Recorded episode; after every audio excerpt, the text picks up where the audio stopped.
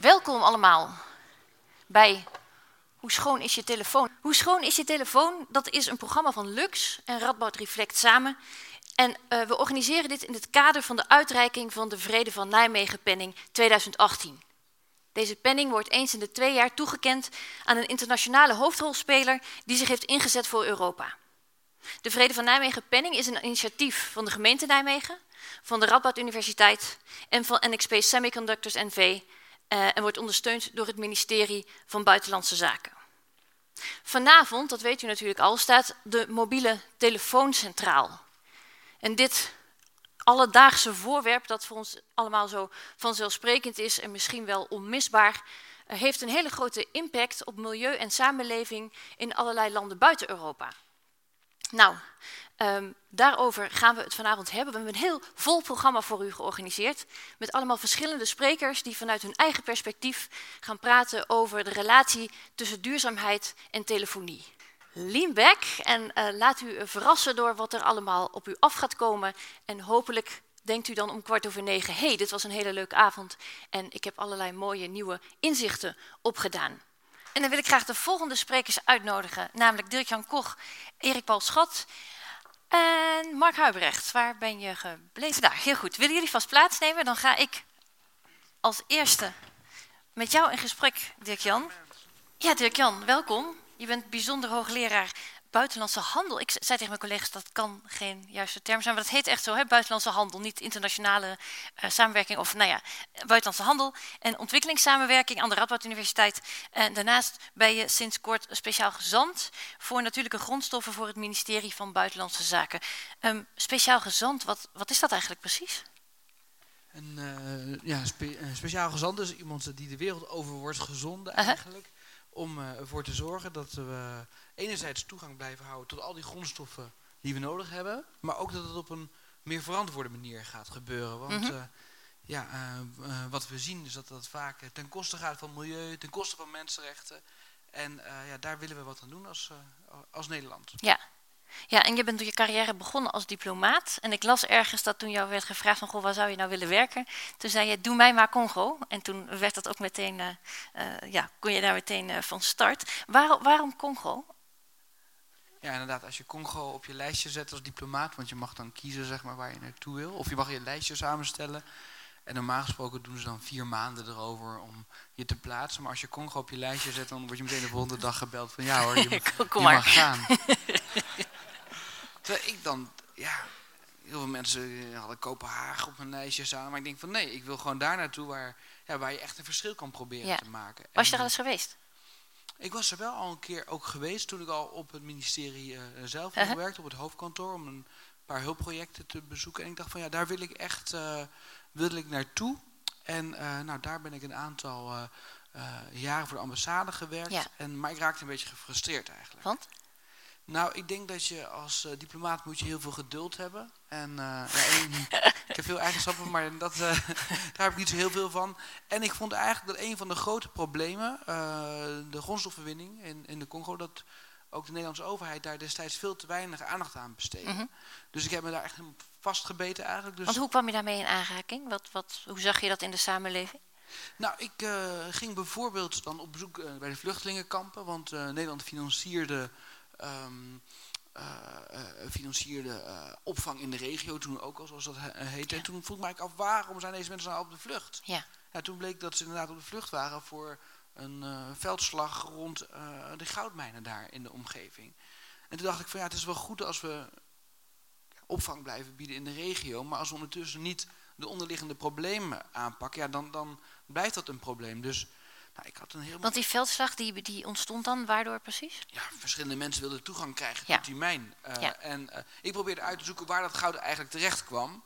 Uh, en ja, dat werd mij totaal niet duidelijk eigenlijk. En ehm, nou, ik dacht dat ik echt een heel goed verhaal had geschreven. Als, als, eh, als eh, diplomaat word je verwacht eh, rapportages te schrijven. Codes noemen we dat. En eh, nou, die gaan dan via je ambassadeur naar het hoofdkantoor. En Mhm. ik had echt, ik dacht, een heel goed verhaal geschreven. En op het bureau van de ambassadeur neergelegd. waar het echt duidelijk zou worden van jongens, we moeten iets met die goudhandel gaan Ja. doen. En ehm, Nou, ik werd gebeld door de ambassadeur of ik even naar beneden wilde komen. en nou, het was helaas niet wat ik hoopte. ze zei inderdaad van nee, Dirk Jan, het zal wel een relevant probleem zijn wat je aanstipt, maar dat past niet in ons meerjarig strategisch plan. Veel te activistisch. Oh ja. en misschien moet je maar bij een NGO gaan werken of zo. Oké. Nou, dat heb ik toen inderdaad ook gedaan. dus een veelbelovende carrière, net zoals. Ja, de, problematiek ging je zo aan het hart dat je dacht: dan laat die hele nou, ja, wereld voor wat is. Dat was gedogen kabinet Wilders en zo, daar had ik het allemaal niet zo heel erg mee. En als ik vind toch dat je, als je ergens voor gaat, ik was in, je bent jong, je wil wat, en dan ga je niet als vertegenwoordiger van Nederland en buitenland, dan moet je ook, vind ik, vol overtuiging je land kunnen vertegenwoordigen. Nou, daar had ik toen wat moeilijkheden mee. Ja. Dus gezegd van jongens, ik ga me echt daarop richten. Nou, toen heb ik onder andere aan de universiteit daar les gegeven, een boek geschreven over, uh, over Congo, de Congo-codes. Inmiddels, bij de tijd dat ik ontslag had genomen, was het kabinet alweer gevallen. en uh, nou, dat boek geschreven. En de nieuwe minister las dat boek. En die had gezegd van ja, als die Koch het allemaal zo goed weet... Laat hem dan maar weer terugkomen. Nou, dan maar weer terugkomen. en dan mag hij zich richten op die grondstoffenproblematiek. Nou, daar heb ik me de afgelopen jaren op gericht. Uh, Want inmiddels was dus de overheid uh, veranderd in zijn... Uh... Ja, we hadden dus, dat vond ik wel interessant, we hadden de ministerie van Ontwikkelingssamenwerking samen met Buitenlandse Handel samengevoegd. Ja. En daar zat voor mij de crux van het probleem. Want ik dacht van ja, we kunnen wel die vluchtelingenkampen rond die goudmijnen blijven financieren met onze ontwikkelingshulp, maar we moeten eigenlijk ook die handel aanpakken. Mhm. Dus vandaar dat ik het juist zo interessant vond dat dat samen werd gevoegd. Dat was ja. onder het vorige kabinet. En nou, toen mocht ik daar uiting aan geven en uh, hebben we met veel mensen ons ingezet, onder andere voor uh, conflictmineralenwetgeving, zodat bedrijven moeten rapporteren van ja, hoe kom je eigenlijk aan je grondstof? Ja. Misschien moet je nog even uitleggen wat, wat die goudmijnen en die andere conflictmineralen, wat die te maken hebben met onze mobiele telefoon. Ja, inderdaad. nou, in iedere telefoon... Ja, nee, want er is wel een link hoor. Uh, als je 41 mobiele telefoontjes samenvoegt, heb je 1 gram goud. 41? Dus 41 heb je dan. Uh -huh. Dus er zit, uh, het, wordt, het wordt wel steeds iets minder, want ze worden steeds kleiner natuurlijk, hè, die mobiele -huh. telefoontjes. Maar je hebt goud nog steeds nodig. Het is een hele bijzondere, bijzondere ja, karakteristieken heeft het. En... Um, uh, ja, we gebruiken het natuurlijk ook uh, in, in, juwelen, goud. Ja. Uh, we gebruiken het in, in, in, in verschillende vormen, -huh. maar ook in de telefoon. -huh. Ja. Ja, en dat is dus een van de redenen waarom er conflicten zijn rond die mijnen, omdat het als grondstof gebruikt wordt voor de productie van, van telefoons. Ja, ja. en er zijn natuurlijk heel veel redenen. Het is ook gewoon slecht georganiseerd in die landen. Er is corruptie en het is niet alleen in Congo, het is ook in Colombia. Je hebt ook in andere landen waar problemen zijn. Uh, nou, in Europa hebben we die conflictmineralenwetgeving. Uh, um, de volgende spreker gaat er ook nog wat meer over uh -huh. vertellen, denk ik. En ja, als Nederlandse overheid hebben we ook geprobeerd alle goudsmeden, juweliers en de elektronica sector bij elkaar te krijgen. En hebben we een, wat we noemen een, een sectorconvenant goud opgericht. -hmm. Waarbij uh, ja, meer dan duizend goudsmeden, juweliers en elektronica bedrijven hebben gezegd... Oké, okay, wij willen alleen nog maar conflictvrij goud mm -hmm. in onze producten gebruiken. Mm -hmm. Dat is eigenlijk het eerste land in de wereld die dat gedaan heeft. We zijn er nog niet, want het moet nu echt gaan gebeuren. Maar in ieder geval en hoe ziet dat eruit, conflictvrij goud? Is het al een mijn waarin gewoon duidelijk is van wie die is? Of, of... Nou ja, je hebt verschillende soorten conflictvrij. Je hebt dus echt de grote megamijnen, -huh. geïndustrialiseerde mijnbouw. Uh, waar heel veel machines en heel weinig mensen aan te pas komen. Nou, dat kan je zorgen dat het conflictvrij is. Ja. Maar je hebt ook heel vaak die kleinschalige mijnbouw. -huh. Of dat nou in Colombia is of in uh, Sudan. En daar wil je inderdaad uh, voor, dan moet je inderdaad weten waar het vandaan komt. En uh, je mag het alleen fair trade goud noemen bijvoorbeeld. Dat is een van de keurmerken die we hebben. Als je zeker weet dat er geen kinderen in die mijnen zitten, ja. dat alleen verantwoord kwik is en dat er geen conflicten rond die mijnen zijn. Ja. En dan, dan kan je dus ja, vraag daar ook naar hè, bij je juwelier. Wat kan je zelf doen? Ja, vraag daar precies. dan ook naar. Van nou, juwelier, weten jullie uh, waar het spul vandaan komt? Of ja. uh, aan, je, uh, aan je telefoonleverancier. Ja, ik weet dat het misschien een moeilijke vraag is. Maar je kan het altijd vragen van jongens, hoe, ja, hoe, waar komt het spul nou vandaan? En is er verschil? En er is daadwerkelijk een verschil tussen de telefoonproducenten. Want sommigen weten veel beter waar hun spullen vandaan komt dan, dan de anderen. Zijn er, uh, zijn er tips? Zeg je van nou die wel en die niet? Die, je koopt vooral geen uh, Huawei en wel een iPhone of andersom? Of, uh... Nou ja, wat ik, eh, waar ik heel erg trots op ben eh, in Nederland is het bedrijf dat Fairphone is. Eh, Mhm. zijn er mensen die een Fairphone hier in de zaal hebben? Ja, ik zie er een paar inderdaad. Eh, ze werken ook steeds beter, kan ik je zeggen. Eh, het was ook. eh, het was natuurlijk in het begin. eh wilden ze een statement maken van jongens. Eh, als je wil, kan je je supply chain inzichtelijk maken. Je toeleveringsketen inzichtelijk maken. Want dat was het argument van veel eh, bedrijven. Ja, jongens, het is te ingewikkeld. We hebben te veel toeleveranciers. Maar zij zeiden van ja, nou dat zal allemaal wel, maar we gaan het gewoon proberen. Ja. Zij zijn de eerste die ook toegeven van jongens, het is echt niet perfect. Want iedere keer als je denkt van nou, we hebben nu tin onder controle, we hebben goud onder controle, dan blijkt er ook nog in je telefoon kobalt te Ja. zitten. En daar blijken ook weer allemaal problemen mee te zijn. Ja. En zij geven ook ruidelijk toe. Jongens, het is work in progress. Denk een beetje aan Tony Chocoloni met zijn chocola. Die ook in het begin zei van, oh, dit is slaafvrije chocola. En nu zeggen ze ook, oké, op weg naar slaafvrije chocola. Hè? Dus, en daar gaat het ook om. We verwachten niet van bedrijven dat het perfect is. Maar wel dat ze gewoon open en eerlijk zijn. En steeds meer hè, proberen een stapje verder Ja, want te wat, komen. wat maakt het zo ingewikkeld om dat wel open en, en, en inzichtelijk te krijgen? Of het echt... eh, Nou, we gaan, je mag het straks ook aan onze vertegenwoordiger van XP vragen. Maar hoeveel toeleveranciers hebben jullie? Eh, ongeveer 9000. oh, Dus ik, snap het al. Ja, je moet van 9000 toeleveranciers gaan vragen, oké, waar haal jij je spullen precies vandaan? Ja. En die toeleveranciers hebben ook weer toeleveranciers. En die zijn waarschijnlijk ook niet altijd even eh, gewillig in het geven van openheid van zaken. Nee, en eh, ja, eh, omdat je vaak niet de enige bent. Dus nee, het is niet, niet, als het makkelijk was, dan was het probleem al Ja. opgelost. En de consumenten hebben een belangrijke rol, want als jullie er niet om vragen, dan gaat het zeker niet gebeuren. Ja, maar tegelijkertijd denk ik speciaal bij telefoons zit er een soort complexiteit in. Inderdaad, je, hebt een provider en dan heb je nog de data die je gebruikt, die verschilt per, per eh, eh, aanbieder. En dan heb je nog eh, inderdaad welke metalen er allemaal in zitten. En dan heb je nog honderd andere aspecten die ook allemaal te maken hebben met duurzaamheid. Hoe ga je nou als consument, ga je, is, is, dat, is dat goud een belangrijk onderdeel? Waar, hoe ga je nou kijken wel- welke telefoon eh, even los van de Fairphone, want die is natuurlijk net als Tony Chocoloni het beste op, op weg. Wat zijn nou dingen waarvan je zegt, daar moet je op letten?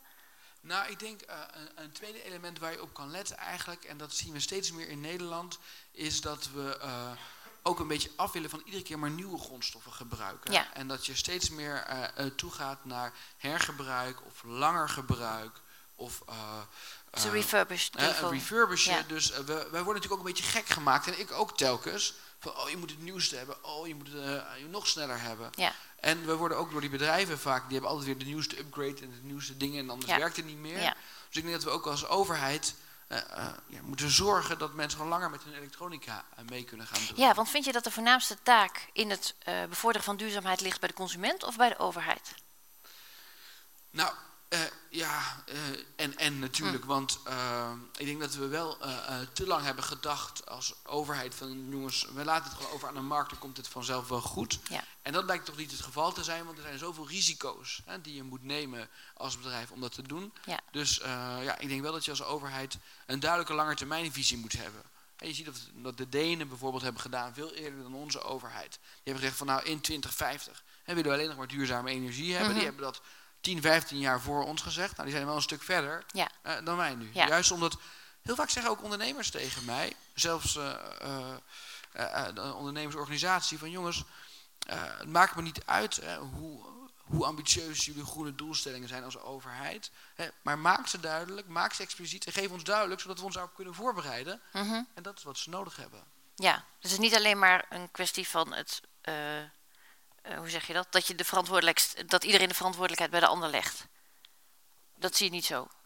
Nee, ik denk dat we allemaal dus een, dus een rol te spelen hebben. Ja. Ja. Ja. Als we nog even teruggaan naar, eh, naar de internationale samenwerking en de, en de, de- nou ja, bijvoorbeeld de situatie in Congo. Ehm, je, je schrijft ergens dat internationale samenwerking door de lokale mensen ook wel eens gezien wordt als internationale tegenwerking. Hoe, hoe werkt dat precies of wat bedoel je daarmee? Ja, nou, ik gaf dus les op daar op de universiteit. En eh, ja, ik kwam toch een beetje binnen met een soort van eh, ja, eh, eh, een witte weldoenersyndroom, volgens Mhm, mij. Ik dacht dat ze mhm. allemaal wel geweldig vonden wat wij als Nederlandse ambassade deden. Want ik had ook ontwikkelingsstudies gestudeerd. En ik dacht van nou, wij doen gewoon heel veel goede dingen in die landen. Ja. En toen kwam ik daar. En toen ja, zagen ze mij eigenlijk eh, toch als... Ze geloofden helemaal niet in een internationale samenwerking. Terwijl ik eigenlijk dacht dat, die, dat ze ons dankbaar moesten zijn voor al die miljoenen. Zeiden zij van nee, maar jullie geven dat alleen maar zodat jullie onze grondstoffen kunnen blijven eh, exploiteren. Eh, En ik probeerde dat dan te ontkrachten. Ja. En, eh, maar eh, ja, zij zagen me ook, ik was daar dus docent, maar ja, ik was ook deel van het complot volgens hen. Dus het was af en toe wel lastig om hen daarvan te. Ja, was het een complot? Of hadden ze gewoon gelijk? Nee, ik denk wel dat ze ook deels eh, zichzelf overschat over hoe belangrijk wij Congo eigenlijk vonden. Uh-huh. Want zij hadden, hadden echt het gevoel dat wij bijvoorbeeld. Ik zei van ja, maar volgens mij vindt de internationale gemeenschap jullie land helemaal niet zo belangrijk. Als we jullie echt belangrijk zouden vinden in jullie mijnen, zouden we wel echt onze soldaten of onze, eh, eh, naar jullie toesturen zoals we in Afghanistan hebben gedaan. En toen zeiden ze, ze hadden altijd wel weer tegenargumenten. Zeiden ze van nee, maar jullie weten dat als jullie zelf soldaten naar ons land zouden sturen, dat we jullie nog harder aan zouden pakken dan de Taliban. Daarom laten jullie, hè, ja. jullie blauwhelmen uit andere landen. Hè, om bij ons de rust, eh, de pen en de vrede te bewaren. Dus ze hadden altijd wel weer een tegenargument. Ehm, En hoe uiteindelijk, ging je daarmee om? Ik bedoel dus niet alleen maar met het voor en tegen en het wel eens en niet dus, maar de, het berust voor, voor een groot deel waarschijnlijk ook gewoon op enorme eh, onwetendheid wederzijds en op cultuurverschillen. ja, nou, we, hebben, we zijn gewoon concrete onderzoeksprojecten gaan starten. Om inderdaad te kijken van, jongens, eh, wat klopt er nou eigenlijk van al die vooronderstellingen die ik heb en die jullie hebben. Ja. En eh, eh, ehm, het onderzoek waar we ons steeds meer zijn op gaan richten, is eigenlijk de ongeplande effecten van internationale samenwerking. Mhm. Zoals? Nou, bijvoorbeeld een positief verhaal. Eh, ik eh, vroeg dus naar twintig van mijn colleges aan die studenten. eh, van, nou, denken jullie nou eigenlijk dat die hulp nou helpt of hindert voor jullie land? En na een tijdje ging er toch een, een hand van een van die studenten omhoog, van, van een dame, Irene. En dus ze zegt van ja, ik denk wel dat het toch werkt, die internationale hulp. Dus ik was, ik was Yes. ik zeg van nou, maar hoe heeft het dan precies gewerkt voor jou? Volgens jou? Nou, ze zegt van nou, kijk, eh, mijn neef werkte bij een internationale, eh, bij een, eh, een nationale NGO die betaald wordt door internationale organisaties, Mhm. Caritas. En hij heeft mijn middelbare schoolgeld ja. betaald. Hij heeft mijn universiteit betaald. En nu kan ik, ik heb al een baanaanbieding om bij een bank aan de slag te gaan. Dus ze zegt van ja, die internationale hulp, die werkt weer degelijk. Ja. En ja, in het begin dacht ik van, oh, inderdaad, het werkt dus wel, maar niet zoals wij gepland hadden.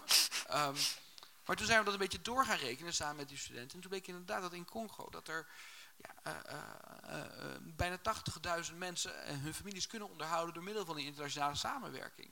En ja, vaak ja, zien wij al die bijeffecten niet, want we willen altijd meten van nou, hoeveel waterputten zijn er geslagen en hoeveel mensen, Hm. minder mensen zijn er aan cholera Mhm. overleden. Terwijl er ook nog zoveel andere Ja. zijeffecten zijn. Dus door dat meer in kaart te brengen, uiteindelijk denk ik dat we allebei een iets genuanceerder beeld hebben gekregen over wat wel werkt Oh, en wat, niet. Ja, laatste vraag.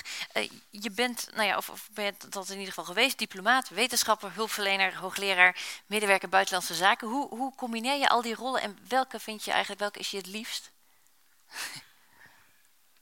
Wow, dat vind ik een hele, een, een, een hele lastige vraag. Ehm, ik denk dat, dat het voor mij eh, heel erg gaat om eh, eh, of je het gevoel hebt dat je ergens naartoe werkt met, met je collega's. Mhm. Als je het gevoel hebt van, oké jongens, dit gaat ergens naartoe. Hè. Ja. We ontdekken nieuwe dingen of we ontwikkelen nieuwe programma's. Ik heb een impact. En Ja.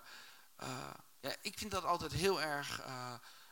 daar word ik blij van. Als ik het gevoel heb van, nou uiteindelijk, als ik dit niet, als ik dit niet gedaan had, dan was het niet gebeurd. Ja, en heb je, kun je de vinger opleggen wat soort van het kerningrediënt is om dat, dat, dat gevoel te... Van wat maakt dat je denkt, oh ja, nu hier gebeurt iets en hier, we werken ergens naartoe. Ja, dat, dat merk ik heel erg aan de mensen met wie je samenwerkt. Als Ja. die echt intrinsiek gemotiveerd zijn en ervoor gaan, Ja. eh, nou, dan ben ik ook zelf, eh, eh, dan zie ik dat je inderdaad dingen kan bereiken waarvan je van tevoren dacht van nee, dat, dat gaat niet lukken. Ja. En als je dan moest kiezen, weet je dan speciaal gezant of hoogleraar? Nou ja, tegenwoordig kan je dat combineren. Precies, dus, ja, maar als je daar moest kiezen, van. zeg ik als je moest kiezen. Nee, dan, dan ja, ga ik heel eerlijk zijn. Ik weet dat ik in de universiteitsstad zit, maar ik, ik vind het toch wel heel erg leuk om eh, daadwerkelijk proberen eh, zaken te veranderen.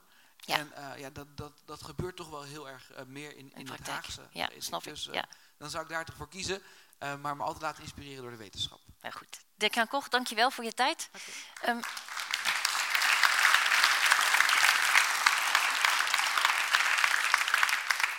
Dirk-Jan moet nu naar de volgende zaal, want hij is ook nog spreker bij de documentaire. Dus hij vertrekt, maar mee Boevink, die neemt hier vast plaats. En ik ga u straks vertellen waarom. Ik ga op dit moment naar Erik Pastrad, dankjewel. En ik neem een klokje weer mee, mijn klokje. Waar ben ik zonder mijn klokje? Ik moet ooit eens een horloge aanschaffen. Erik Wal, dank je, dankjewel dat je hier bent. Leuk. Ik ga even een plek zoeken waar dit kan staan. Ja, een Zonder afspraak met een klok erbij. Ja.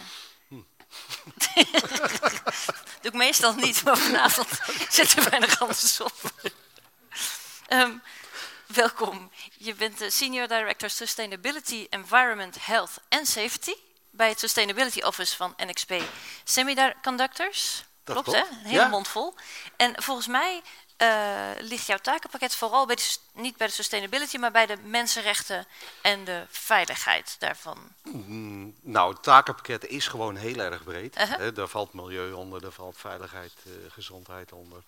Ehm, en, ehm, maar over de afgelopen jaren hebben we ons met name gericht op ehm, eh, meer ja, zeg maar de ethische zaken in de supply chain. Mhm. De rest hebben we, kijk, NXP bestaat 12 jaar, maar er was, daarvoor was een stuk Philips geschiedenis. Ja. Dus op een heleboel gebieden hebben we een historie Uh-huh. en, en zaten de dingen best wel goed in elkaar.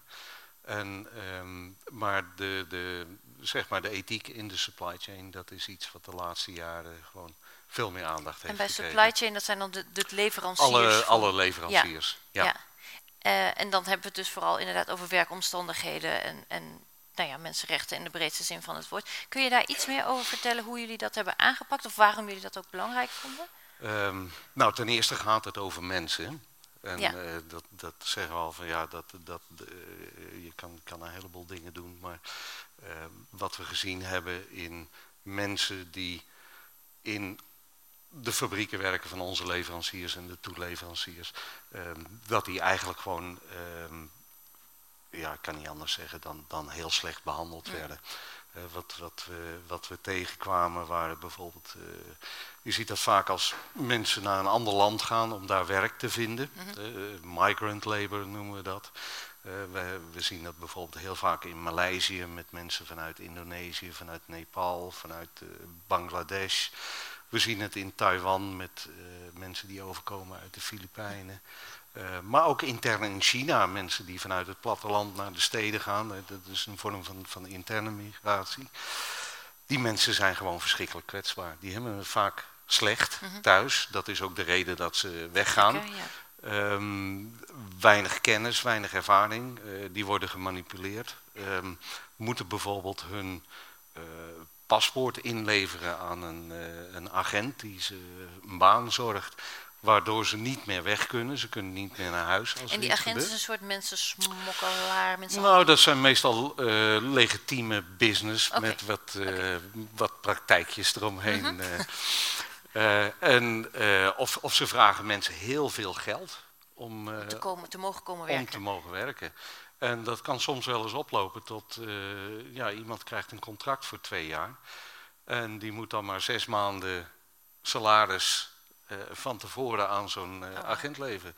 Ja, dus er blijft er heel weinig over wat de eerste maanden naar Ja. huis gestuurd kan worden. Ja, en mensen doen het wel omdat er gewoon, ja, je moet iets. Je, Ja, je moet iets. Precies. Ja. ja, ja. En hoe hebben jullie dat, eh, hoe zijn jullie daarmee aan de slag gegaan? Ehm, nou, ten eerste hebben we natuurlijk onze eigen fabriek een beetje schoongeveegd. Want, even voor de, ja, want inderdaad, want jullie fabriek staat dus niet alleen maar in Nijmegen. hè? Die, die staan nee. niet alleen in Nijmegen. Nee, nee Nijmegen is ook schoongeveegd. Ja. Daar was eh, wat minder aan de hand. Ehm, maar we hebben dit ook gevonden in onze eigen fabrieken. En dat is misschien ook een beetje naïviteit van, eh, van ons een, een jaar of vijf, zes geleden. Ja, je, je hebt mensen nodig en dan ga je naar zo'n bureautje en dan, eh, dan, dan komen de mensen en dan Ja, wordt dat geregeld voor Ja. je.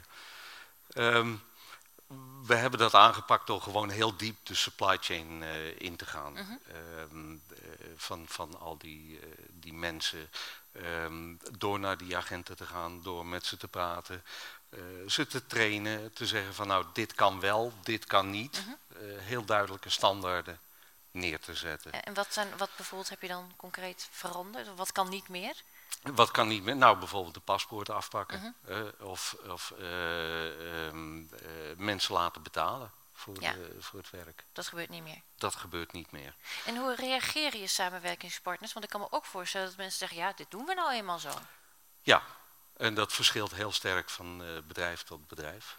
Ehm, we hebben vorige week hebben we nog, zijn we nog een keer op bezoek geweest bij een van onze directe leveranciers, waar we dit soort Mhm. praktijken ook Mhm. ondervonden. Nou, die kon ons keurig laten zien dat ze uh, 260.000 dollar terugbetaald hadden aan hun werknemers. Ehm, nou, dat, dat waren echt maandsalarissen Ja. voor die mensen. Ja. En, en dat hebben ze teruggekregen. Dus dat is een succes. Ja, dus het is niet alleen maar dat zeg maar, nieuwe werknemers niet meer een paspoort hoeven in te leveren en niet meer een half jaar salaris vooruit hoeven te, te betalen, zeg maar, maar ook dat mensen die al in dienst zijn, dat geld terugkrijgen. Ja, dat ligt soms even wat lastiger. Hè. De, maar meestal heb je, de- als er contractuele eh, regelingen zijn, hè, als we natuurlijk in het verleden gezegd hebben van nou dit soort praktijken mag niet en ze hebben het toch gedaan, dan, dan gaan we daarop eh, op drukken. Ja, ja, Omdat, omdat, je dan eh, kunt zeggen, dat hadden ja. we eigenlijk al afgesproken. Ja. Ja. Maar er zijn ook bedrijven die daar, die daar moeilijker over doen en, en die, dat, die dat niet willen. Waarom? Ehm,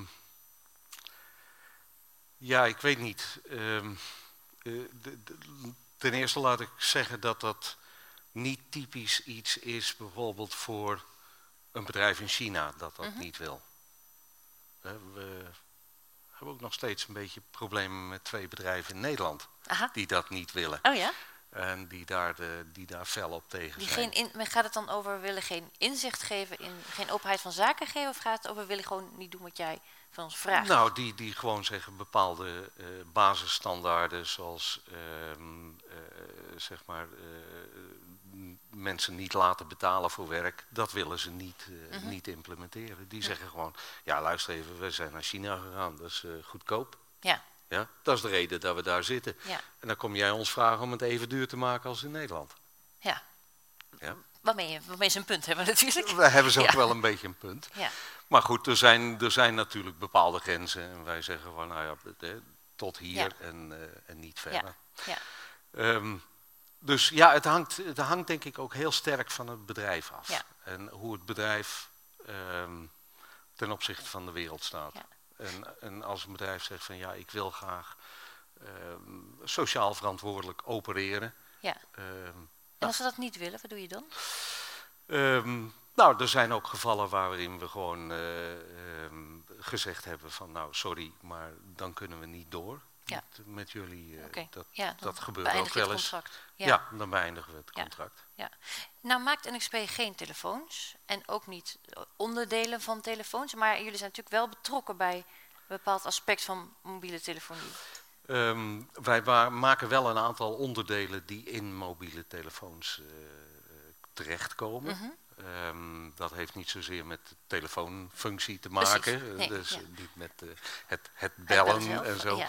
Ehm, maar wel een aantal componenten die erin zitten. En een van de eh, meest bekende is denk ik de mogelijkheid om met je mobiele telefoon te kunnen betalen of eh, Mhm. ergens een parkeerplaats op te rijden. We Ja. noemen dat near, near field eh, communication, Mhm. NFC. Dus dat is iets. En, eh, nou, daar zijn we redelijk vertegenwoordigd in de telefoons die op de markt ik, ben, zijn. ik ben op zich met een totale nitwit, dus jullie ontwikkelen niet zozeer de app, hè, maar de, de techniek die nodig is om die app te laten Ja, werken. nou, er, Ja. Zit, zit dan een eh, bepaald eh, chipje in die, dat, eh, die die communicatie mogelijk maakt. Mhm. Nou, en dan kan een ontwikkelaar van een app, die kan bijvoorbeeld een betaal-app maken. Ja. En dat chipje kan dan met, je, met de pinautomaat praten of met Ja, ja, Ja. De, de, parkeerboom of eh, nou Ja. ja, wat, wat dan ook. ja. Nou hoorden we net al dat, dat juist dat chipje, dat er allerlei eh, grondstoffen in zitten, waar ook eh, allerlei duurzaamheidsproblematieken omheen zitten. Doen jullie ook iets op dat gebied? Ja, we zijn. eh, de- is heel moeilijk. Hè? Er zegt net 9000 leveranciers en 9000 leveranciers. Oké, nou misschien zijn er 500 echt key voor het bedrijf, echt belangrijk. Mhm. Maar goed, die 500 die hebben dan allemaal weer zelf Onderhandels, tien ja, eh, ja. leveranciers en dan zit er nog. En, en, en soms gaat dat wel twaalf lagen diep voordat je uiteindelijk bij degene bent die, die bijvoorbeeld de grondstoffen maakt. Mhm. Dus dat, dat is complex. Wij proberen dus aan, aan de bovenkant zeg maar, steeds dieper te gaan. Eh, Wat eerst is de met bovenkant? de bovenkant, zeg maar, onze eerste laag van leveranciers. Mhm. Die bekijken we. Eh, in een aantal gevallen gaan we naar de tweede laag, die eronder zitten. Eh, voor voor eh, arbeidskrachten gaan we nog iets dieper. Mhm. Ehm, maar er zit natuurlijk ook een probleem in die, in, in, die grondstoffen, in die Ja. mijnen. En we weten niet Ja. precies welk klein beetje milligram goud wat wij in die chip stoppen, uit welke mijn dat, dat precies komt. We weten wel. Dus daar kunnen we moeilijk iets doen, maar daarom hebben we wel gezegd van nou wij moeten daar ook actief bezig zijn. En, en een van de zaken die we doen, en dus Dirk-Jan Koch eh, heeft dat ook eh, opgestart, dat is het eh, European Partnership for Responsible Minerals. En dat is eigenlijk een samenwerking tussen een aantal overheden, bedrijfsleven en Mhm. NGO's. En die hebben als doelstelling om, om concrete projecten in die mijnbouw te ondersteunen, te ontwikkelen, om de, de werkomstandigheden daar beter te maken. Ja, want Dirk-Jan Koch zei ook inderdaad, al die, die individuele mijnen, daar kun je natuurlijk als, als producent geen zicht op hebben. Maar die mijnen zijn weer verenigd in een soort, nou ja, weet ik veel, conglomeraties of, of hoe, je het noemen, hoe je het noemen wil. En daar zijn er maar, even uit mijn hoofd, 400 van of zo. Dus daar zou je wel zicht op kunnen hebben. Ja, daar hebben we ook redelijk zicht op. Hè. De- als je zegt van nou wie gebruikt er goud, nou dan kan je gelijk zeggen nou dat, dat zijn miljoenen Mm. afnemers. En als je dan nog eens kijkt naar de, naar de consument, ja dan zijn het opeens miljarden Ja. afnemers. Dus ja, dat, dat is moeilijk te controleren. Ja. Mijnen is ook zo moeilijk te controleren. Er zijn er duizenden, tienduizenden, misschien honderdduizenden. Ja. Grote mijnbedrijven, maar je hebt ook mensen die gewoon een, eh, een gat in de grond in de achtertuin hebben geslagen en daar, daar goud uithalen. Die, die kom je ook tegen. Ja, Dus daar zijn er ook heel veel van. En er zijn ongeveer zo'n zo'n 3 à 400 ehm, wat we noemen smelters. Dus mensen die de, de ruwe grondstof omzetten in het pure metaal. Mhm. En die 3 à 400 die er zijn in de wereld, ja, daar kan je, Mhm. dus een beetje, we noemen dat een pinch point, daar kan je een controlemechanisme op zetten. Ja. Dat, dat doen we ook. oké. Ja. En zijn er nog dingen waarvan jij persoonlijk zegt van nou, daar zou ik nou wel de komende jaren bij NXP eh, nog meer op in willen zetten? Of dit zou nog verbeterd kunnen worden? Of dit vind ik juist heel interessant om... Ehm, nou, de, ten eerste zijn er altijd vraagtekens. Ehm, er zijn dingen die, die naar boven komen door bijvoorbeeld eh, de journalistiek, door, Mhm. door NGO's. eh, die, die hebben ook duidelijk gemaakt dat het niet goed zit in de Ja. mijnen.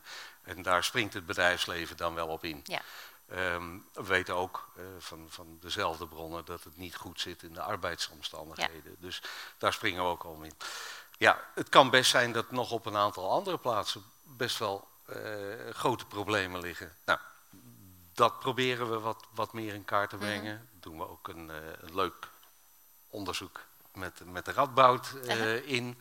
Om te kijken van nou, hoe kan je nou signalen uit die supply chain, omdat die toch zo verschrikkelijk groot is met duizenden leveranciers. Hoe kan je dat nou eh, oppikken? Dus kun je Dus- meer zelf actief, proactief daarin werken, niet alleen maar proactief, reageren op wat er gevonden wordt. ja. Ja. En ehm, het andere waar we ehm, erg veel mee bezig zijn, dat is, de, dat is ook een, be- een beetje technologie eromheen. Dat is hoe eh, kunnen we de signalen van werknemers in die, die, bij de leveranciers, bij onze eigen fabrieken, hoe kunnen we dat, eh, dat oppikken? Mhm. Eh, en dat doen we bijvoorbeeld met een stukje technologie, met apps. De- de- iedereen heeft een telefoon tegenwoordig. Ja. Nou, daar kan je een appje op neerzetten en, en dan kunnen mensen dus ook, ook anoniem dingen melden. En, Dus dan kunnen medewerkers van bijvoorbeeld een fabriek in China een appje sturen aan, nou ja, waarschijnlijk niet aan jou, maar eh, Nee. om te zeggen, ik heb een, een klacht over mijn... Maar werkt dat dan? Want we hebben net onder andere eh, van Ruben gehoord dat die hiërarchische verschillen eh, eh, zo, zo groot zijn, of in ieder geval dat de hiërarchie heel belangrijk is in, in bepaalde Aziatische eh, culturen, waardoor mensen dat niet zo snel zullen doen, want je leidinggevende, dat, ja, ja, dat nee, mensen, die moeten, moeten dat leren. ja, En ze moeten zien dat het effectief is. ja, dat, dat was hetzelfde met niet betalen voor werk. Ehm, we hebben daar in Nepal heel veel discussie over gehad. Die Nepalezen die, die, die zeiden gewoon, ja luister even, als jij mij eh, werk aanbiedt zonder dat ik daarvoor moet betalen, dan vertrouw ik jou niet. oh, dan zal het wel niks zijn. Ja, zal wel dan een zal ander het- addertje onder ja, het gras zit zitten. wel een addertje onder. Oh ja. Dus dat, dat, dat is een proces en dat, Ja. dat lukt hier ook wel. Ja. Heb Ja. jij nog concrete tips voor, voor, voor telefonieconsumenten? Dat wil zeggen voor iedereen die hier in de zaal zit. Van waar kunnen mensen op letten of wat zouden ze wel of niet moeten doen? Nou, ehm, ik, ik, wat ik zelf heel erg belangrijk vind, en dat heeft ook met die, die grondstoffen te maken, en, ehm, dat is zorg gewoon dat je telefoontjes, dat je die recycelt. Hm. de, de, als, als, je kan een schoenendoos op zolder zetten, maar als dat er 30, 40 jaar ligt, ehm, dan is dat gewoon uit, uit uh, de economie gehaald. Dus dat is, dat is zonde. Wacht even, wat bedoel je met... Nou, dat wordt niet gebruikt. Hè? Dat, zit, dat beetje goud zit erin. En dat had natuurlijk ook weer voor iets anders... gebruikt kunnen worden. Ja. ja. Dus uh, recyclen, of dat nou een telefoon is of iets Dus leven ze in bij de punten die daarvoor eh, zijn. Ja, ja. ja. En, en uh, ja, dat is soms een beetje een dilemma ook. Um, soms halen we van die telefoontjes op en denken we, nou, dan sturen we die naar India kunnen die mensen ook mhm, bellen. Mhm, ja. Maar je haalt ze wel weg uit die recyclestroom. Ja, dat is het ene. En het andere verpest je daar misschien de markt. Uh, dat zou ook nog ja. een keer kunnen. Erik ja. Walschat, dankjewel voor je bijdrage en voor je uh, antwoorden op al mijn vragen.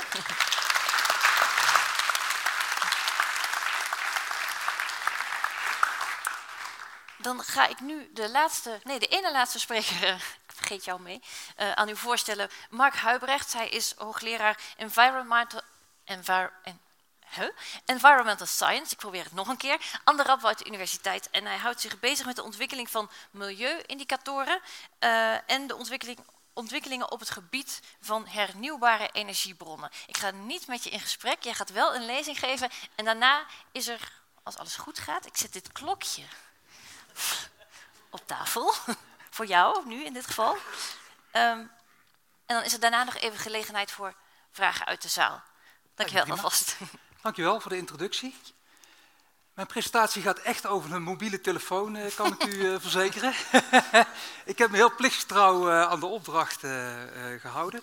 En ik zal me ook specifiek richten op de klimaatvoetafdruk van de telefoon. We hebben een aantal andere presentaties en ook in de interviews al gehoord dat er ook een groot aantal andere milieueffecten belangrijk zijn als het gaat om het maken van de telefoon. Zoals het gebruik van mineralen uit, en metalen uit de conflictgebieden. Daar zal mijn presentatie niet over gaan. Ik zal me specifiek richten op die klimaatvoetafdruk. Dit is eigenlijk een soort eerste introducerende slide om proberen nog iets meer uh, te vertellen over wat ik dan doe eigenlijk als, uh, als hoogleraar milieukunde. Dit zijn eigenlijk typische vragen uit de samenleving van mensen die die zich afvragen bijvoorbeeld van die zonnecellen op het dak. Is dat eigenlijk nou wel verstandig om dat te doen? Of kleven daar misschien wel andere uh, indirecte effecten aan bij het maken van die, van die zonnecellen? Heel recent kreeg ik nog een vraag over, over cryptomunten, bitcoins. Wat zijn de milieueffecten daarvan? Hoeveel energie wordt er nou eigenlijk verbruikt? Een ander punt, een belangrijk deel van ons onderzoek, uh, is het gebruik van bio-energie. Die bioethanol in de auto, is dat nou wel of is dat nou niet verstandig om dat te doen? Wat zijn nou de milieueffecten die eigenlijk kleven aan het maken van die bioethanol? En wat ik eigenlijk in mijn onderzoek wil doen, is methoden verder ontwikkelen om dit soort vragen op een goede, gebalanceerde manier te beantwoorden. En uh, het vierde punt, en daar zal ik mijn, de rest van mijn verhaal over laten gaan, dat is inderdaad van hoe zit dat nou eigenlijk met de milieu-impact, in dit geval de klimaatvoetafdruk van de mobiele telefoon. Wat weten we er nou eigenlijk van? En ik zal overigens ook uh, aan het einde van mijn presentatie een aantal tips uh, geven, hoe we daar op een, op een andere of misschien wel een betere manier mee zouden, zouden kunnen omgaan. Dit plaatje laat, uh, laat eigenlijk zien de, de kern van de methode waar ik mee werk. En dat betekent dat je niet gericht bent op één specifiek onderdeel van de hele keten van het maken en het gebruiken van zo'n mobiele telefoon, maar je wil eigenlijk alle aspecten wil je daarin meenemen. Um, het begint inderdaad, en dat hebben we vandaag al eerder gehoord, bij het, uh, het winnen van de verschillende grondstoffen. Die telefoon moet worden geproduceerd. Uiteindelijk gebruiken we die telefoon ook uiteraard. En daarna krijg je inzameling en eventueel hergebruik en, en recycling. En dit is eigenlijk de hele keten, de levenscyclus van zo'n product. Voordat ik naar de volgende slide ga, zou ik eigenlijk, en ik heb verder geen stemkastjes, dat is in die zin wel jammer, maar misschien dat u gewoon uw hand uh, omhoog kunt steken. Um, mijn vraag aan u zou zijn, uh, of is, wat denkt u? Wat is nou het grootste deel voor als het gaat om de klimaatvoetafdruk, dus de emissie van broeikasgassen naar, het, uh, naar de lucht? Welk deel van de levenscyclus draagt daar nou dominant aan bij? Wat is het belangrijkst? Is dat zeg maar de grondstoffen en het productieverbruik?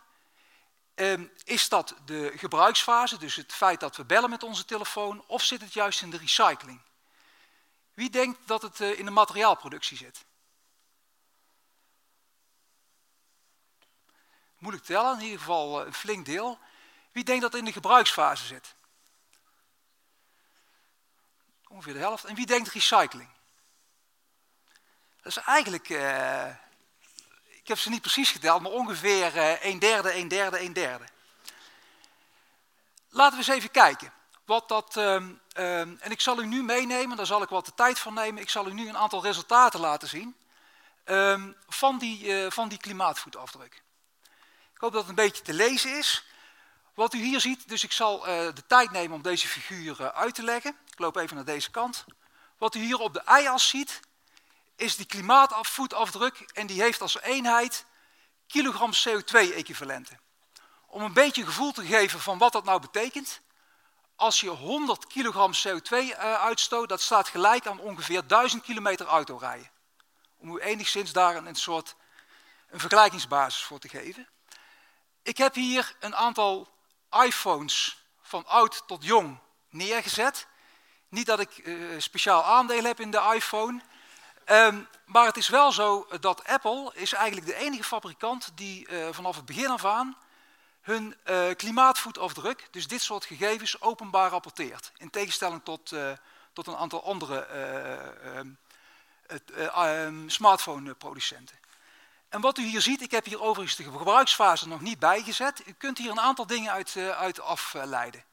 Ten eerste is het zo dat voor al die iPhones geldt als we naar deze drie uh, aspecten kijken, de afvalfase, de transport en de productie van die telefoon, dat de grootste impact zit in het produceren van de materialen en de telefoon zelf.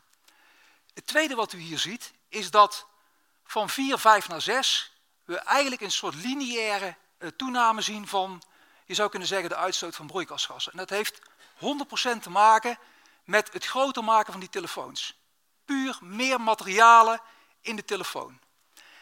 En Apple heeft op een gegeven moment gedacht van ja, weet je, als we dat zo doorgaan, dan, dan is dat wel verstandig. Dus wat zij hebben gedaan, ze hebben van de iPhone 6 naar de iPhone 6S, hebben zij besloten om meer uh, gerecycled aluminium in hun telefoon te verwerken en ook specifiek aluminium te kopen die is opgewekt met waterkrachtcentrale.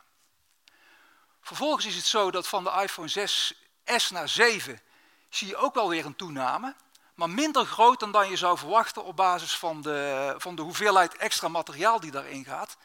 En de reden daarvan is, is dat ook weer Apple uh, met de producenten, eigenlijk van de, in China, uh, de, de, de, producenten van de phone zelf, hebben zij uh, afspraken gemaakt over het gebruik van hernieuwbare energie. Waardoor de broeikasgasemissies lager waren dan ze oorspronkelijk, als ze dat niet zouden hebben gedaan.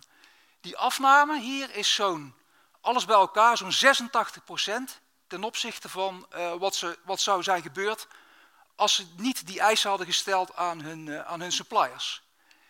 Het laatste wat u hier ziet is inderdaad, het is ook weer zo'n grote effect van 8 naar 8 plus naar de iPhone uh, X. Zie je ook weer dat grote effect van hoe meer materialen, het is niet heel moeilijk, hoe meer materialen, hoe groter die impact op van die, van die telefoons. Nu kom ik bij de gebruiksfase. Dat is mijn volgende slide. Dat is het oranje deel. Dus u zou zeggen, op basis hiervan ziet u eigenlijk van, nou dat valt eigenlijk wel mee. Toch? Die gebruiksfase.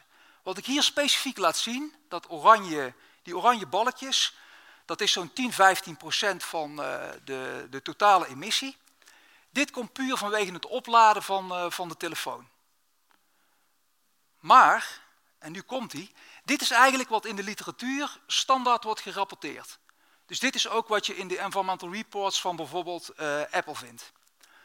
Als we echter gaan kijken naar het rode balkje, en dat is wat de reden van waarom dit soort zaken eigenlijk niet standaard wordt gerapporteerd, is omdat dit vrij lastig is uit te rekenen. Wat ik hier laat zien is in feite de energie die nodig is om een netwerk, ons 4G-netwerk, om dat in stand te houden. Alle energie om, om eigenlijk ons te laten communiceren, is een behoorlijke slok op een borrel, zoals, je, zoals jullie zien. Dus als je dat zou meenemen, het feit dat we dus een netwerk nodig hebben om onze mobiele telefoon te kunnen gebruiken, kost zoveel energie dat alles bij elkaar, als we dus oranje en rood tellen als gebruik, dan zie je dat dat nog niet evenveel, maar wel zo'n 40 tot 45 procent van de moderne telefoons uitmaakt. Dus het gaat niet alleen maar om de productie van die telefoon, maar ook zeer zeker om het gebruik, inclusief netwerk wat daarmee, eh, wat daarmee samenhangt. Kunnen we daar dan eigenlijk, ja wat kunnen we daarmee? Hè? Dit is eigenlijk een beetje een informatief praatje van, nou dit weten we dan, maar dan, kunnen we, wat zouden we hier nou mee, mee kunnen doen? Dit zijn eigenlijk de drie belangrijkste, zou je kunnen zeggen, uh, zaken die je met zo'n, wat ik heet LCA, dat is die, de afkorting, is een beetje een, uh, een bias in mijn vakgebied, dat is de levenscyclusanalyse. Eigenlijk waar het heel vaak voor wordt gebruikt, is om het, de, de verschillende producten met elkaar te vergelijken. Moet ik nou bijvoorbeeld een iPhone kiezen of een Samsung? Of, of dat zou je in ieder geval uh, met, met dit soort vergelijkingen uh, kunnen doen. Het tweede is, en dat was uh, net al bij de, bij de interviews aan de orde geweest. Er, zijn, er is ook een, een ecolabel als het gaat om elektronica. Dat heet de, de EPEAT. Ik weet nog eens niet of ik het, of ik goed uitspreek. Maar het is, dat is een stichting um, uh, die is opgezet door de uh, Environmental Protection Agency in Amerika. Um, of tenminste, die heeft dat helpen opzetten, maar dat is een onafhankelijke stichting. En uh, dit ecolabel, dat heeft voor meer dan 20 verschillende telefoons gekeken op zo'n 18 verschillende aspecten. Inclusief de conflictmineralen, ook de, de broeikasgasfootprint. Hebben zij gecheckt van voldoet, die, voldoet die telefoons daar, daaraan. En je kunt dan hier, wat ik jammer vind van, van dit ecolabel, is dat ze niet strenge regels stellen van ehm, welke score je haalt voor die broeikasgasfootprint. Dus je, je, moet je best doen. Dan ben ik bijna klaar. Uh, je moet je best doen en dan kun je in feite al een, een golden uh, score krijgen. En je ziet dat niet alleen de Fairphone, maar ook een aantal andere uh, telefoons zo'n zo'n gouden score hebben. Je hebt ook een aantal andere telefoons die in deze categorie zitten. Dus dat is al één manier waarop de consument in die zin wordt, wordt geïnformeerd op basis van dit soort berekeningen. En uiteindelijk, en daar gaat mijn laatste slide over, is van wat kunnen we nou eigenlijk aan doen om die, uh, om die milieu-impact of die, die broeikasgasvoetafdruk uh, verder te verminderen. Nou, ik denk, ik hoop dat ik duidelijk heb gemaakt dat zowel in de productie als in het gebruik, het gebruik van fossiele energie om de telefoon te maken, maar ook uh, fossiele energie bedoel ik het, het verbruik van kolen om elektriciteit te maken, als je dat kunt voorkomen, en dat is dit punt, dus het gebruik van hernieuwbare energiebronnen door de industrie, maar ook door netwerkproviders en ook door de consument, door bijvoorbeeld inderdaad uh, zonnecellen op je dak. Daarmee voorkom je daadwerkelijk of, of reduceer je daadwerkelijk de klimaatvoetafdruk, in dit geval van je mobiele telefoon, maar in feite van alle elektriciteit die, jij, die je gebruikt als consument. Ik denk dat ik ook heb laten zien in die figuren uh, dat de industrie ook een enorme grote uh, invloed heeft door het gebruik van hun materialen en ook door minder materialen te gebruiken, dat ze die voetafdruk kunnen verminderen. Verder zie je bij die netwerkproviders dat hoe energie-efficiënter je je netwerk maakt, dat dat ook een significante bijdrage kan leveren aan de reductie van die, uh, van die klimaatvoetafdruk. Ook weer het gebruik van hernieuwbare energiebronnen. En als consument uh, nou ja, het komt drie keer terug. Die energiebronnen gaat het weer om. Ook zuiniger zijn met je dataverkeer. En uiteindelijk kan een langere levensduur van je telefoon uh, leidt uiteindelijk ook tot, tot een netto lagere klimaatvoetafdruk van, van de telefonie. Daar wil ik het bij laten. Ik wil u danken voor uw aandacht. En...